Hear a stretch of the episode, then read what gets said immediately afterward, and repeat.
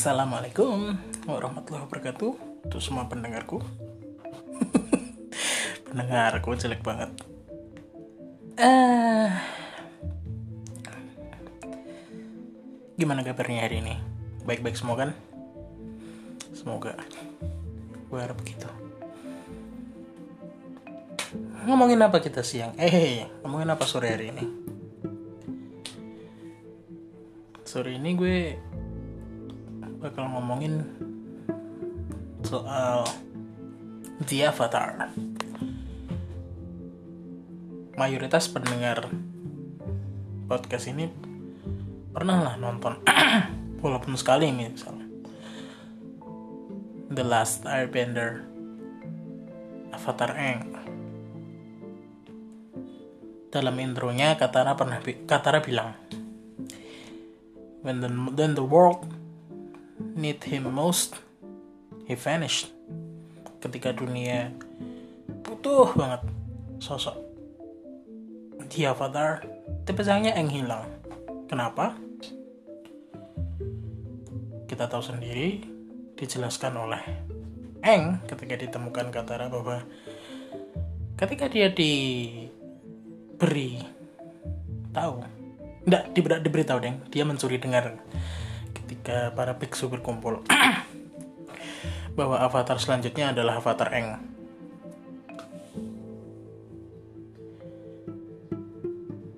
Dia tahu, terus lalu dikasih tahu secara ofisial, dia menjalankan hari-harinya. Tapi dia merasa, aku nggak sanggup jadi avatar, aku nggak sanggup harus memikul beban ini terlalu berat untuk anak seusia 11 tahun saat itu. Lalu apa yang dilakukan Eng? Dia pergi. Dia pergi mengendarai apa, tapi sayang dia terkena badai lalu boom, keceblong ke laut. 100 tahun kemudian dia, dia ditemukan oleh Katara. Sebelum lanjut kisahnya, coba kita refleksi Pernah nggak kita dapat amanah yang bagi kita itu besar, lalu menghilang? Pernah, pernah mungkin.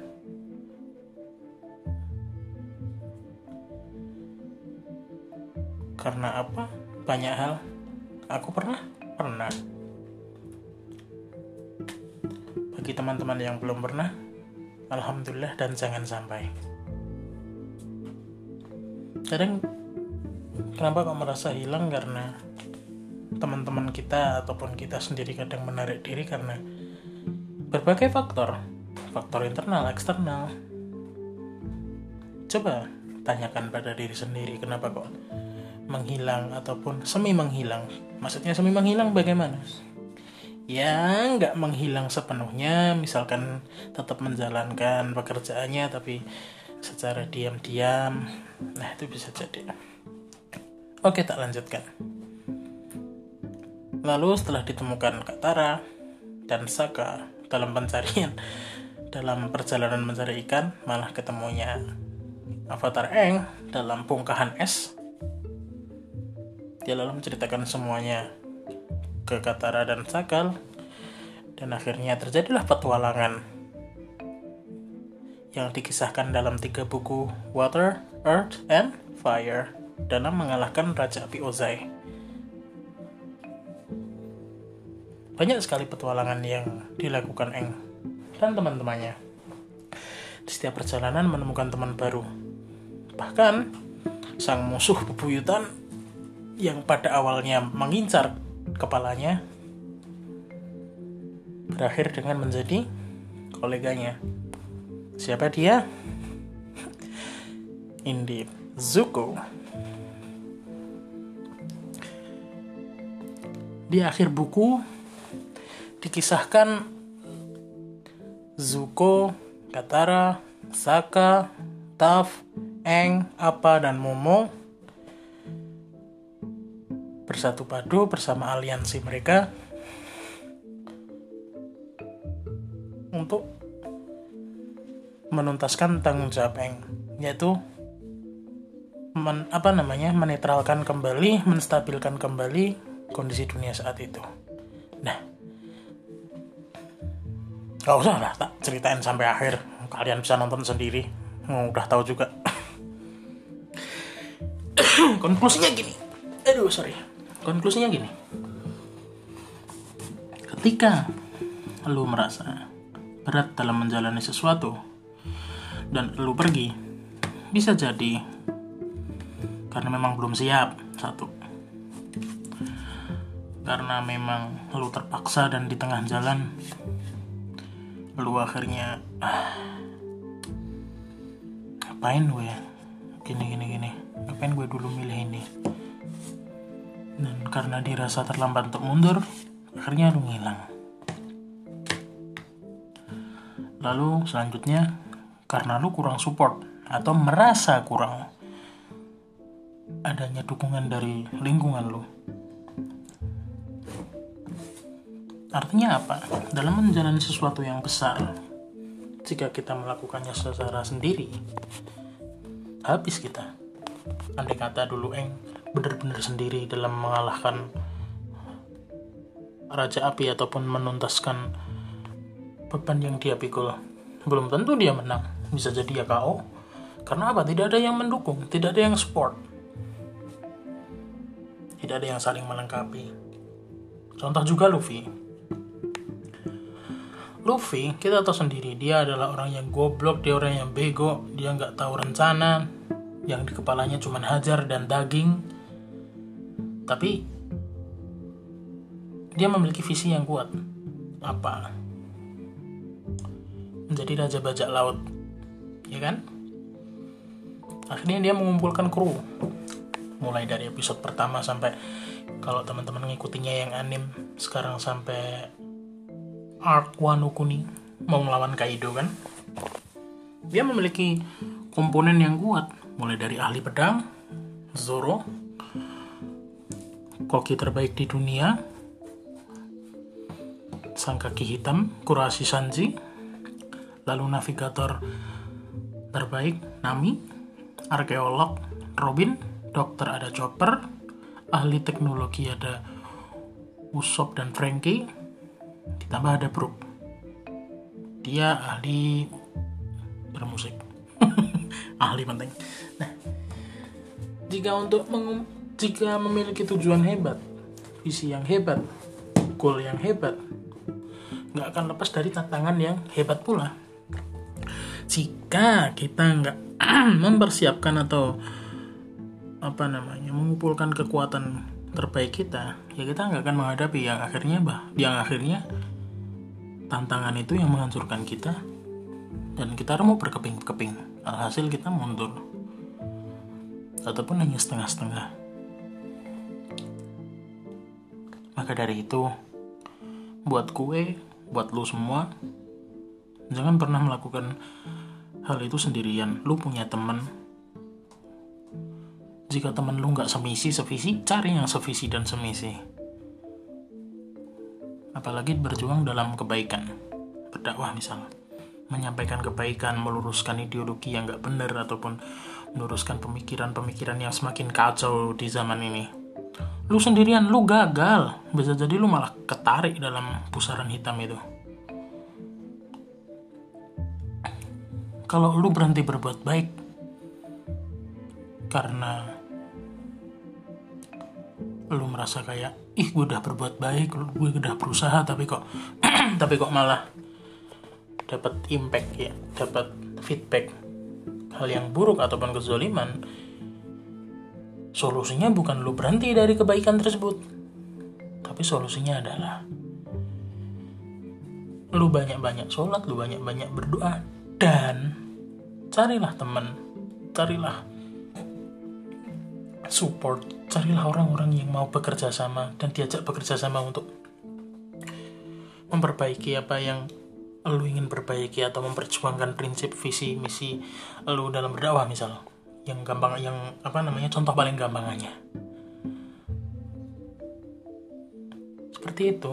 Bukan lu terus stop bukan ah ya udah buat apa gue berbuat baik berhenti aja lah nggak pernah di nggak pernah dapat feedback baik. Nah berarti ada yang salah dari niat lo. Coba deh mari kita ingat kembali sebelum kita melangkah lebih jauh. Pot. Cobalah introspeksi diri rutinan misalkan tiga bulan sekali atau setengah tahun sekali. Buat apa? Merefresh niatan lu. Ngapain gue di sini? Ngapain gue capek-capek kayak gini? Gue mau apa? Outputnya mau apa gue pengen dikenal sebagai apa ataupun gue pengen merubah apa siapa aja yang harus gue rekrut apa aja yang harus gue lakukan kelemahan gue apa kekurangan gue apa opportunity gue apa strategi gue untuk melengkapi itu semua apa. Kalau enggak ya mungkin kayak yang di awal-awal hilang.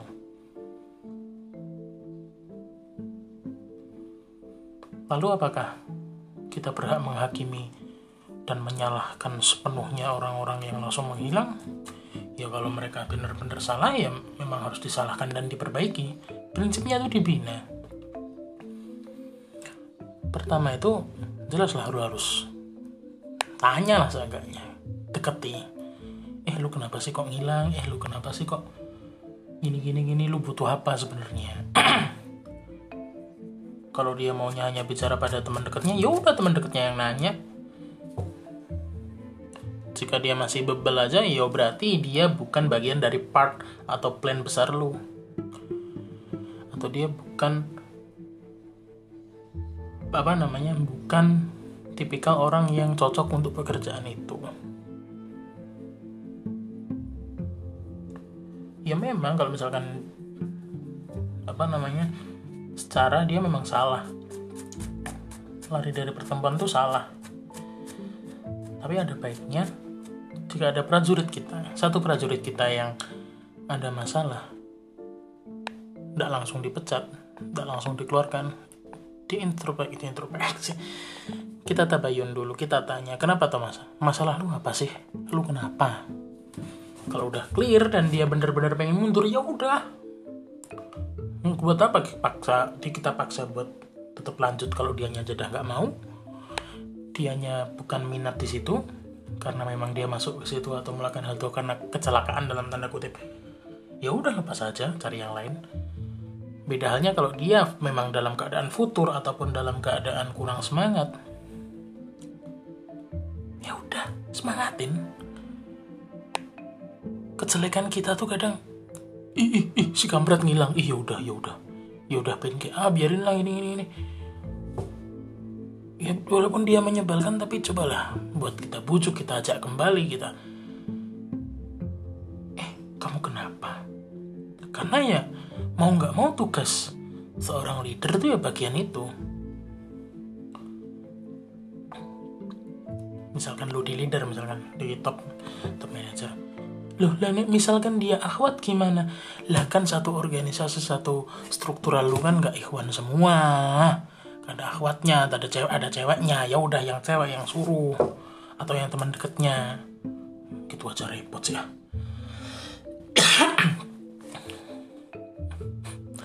Lu gampang banget berteori. Udah ngelakuin belum? Udah gue udah lakuin semua gue udah ngelakuin gue udah lihat tipikal manusianya. Dan kenapa kok gue berani ngomong kayak gini? Karena gue juga pernah ngelakuin. Gue pernah hilang pernah. Gue merasa nyesel nyesel. Dan bagi gue ya aku harus menebus semua kesalahan itu. Nah kalau lu berpikiran sama dengan gue coba tanamkan itu ke orang yang lu anggap futur ataupun yang lu perlu semangati tadi. Bagaimana gue bisa menanamkan apa yang gue pikirkan terhadap dia agar dia juga bisa kembali seperti gue? Kalau enggak ya ya udah lepaslah dengan baik-baik. Ya kan?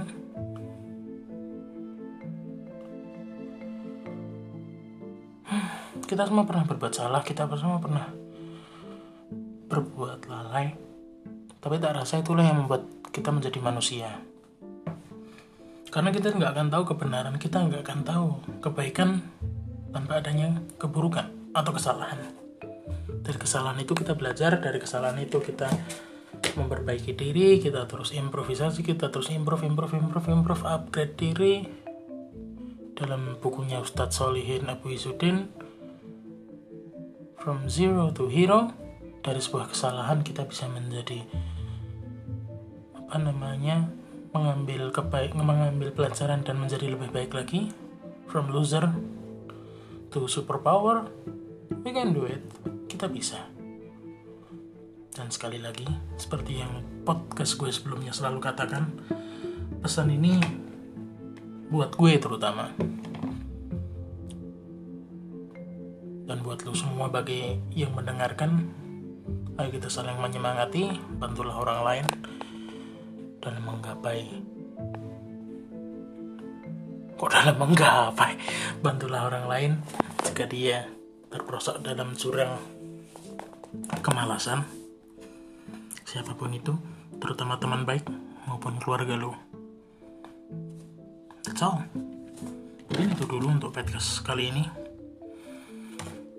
Sekali lagi gue ingetin stay safe stay clean stay healthy jaga kebersihan jaga kesehatan. Jangan lupa cuci tangan. Virus bukanlah sesuatu hal yang langsung menghilang saja. Mungkin saja kita akan menghadapi apa yang disebut new normal. Dan ya bisa jadilah. Kita harus seperti ini sampai beberapa tahun kemudian. Tetap berdoa dan tetap berikhtiar dan berusaha sebaik mungkin saya ucapkan salam takzim kepada seluruh tim medis dan tim kesehatan di luar sana yang berada di garda depan dan bagi teman-teman yang tidak memiliki keperluan, dimohon tetap di rumah, stay safe, stay home, stay at home. Udah di rumah aja, jangan sampai Indonesia terserah menjadi lebih parah. Assalamualaikum warahmatullahi wabarakatuh.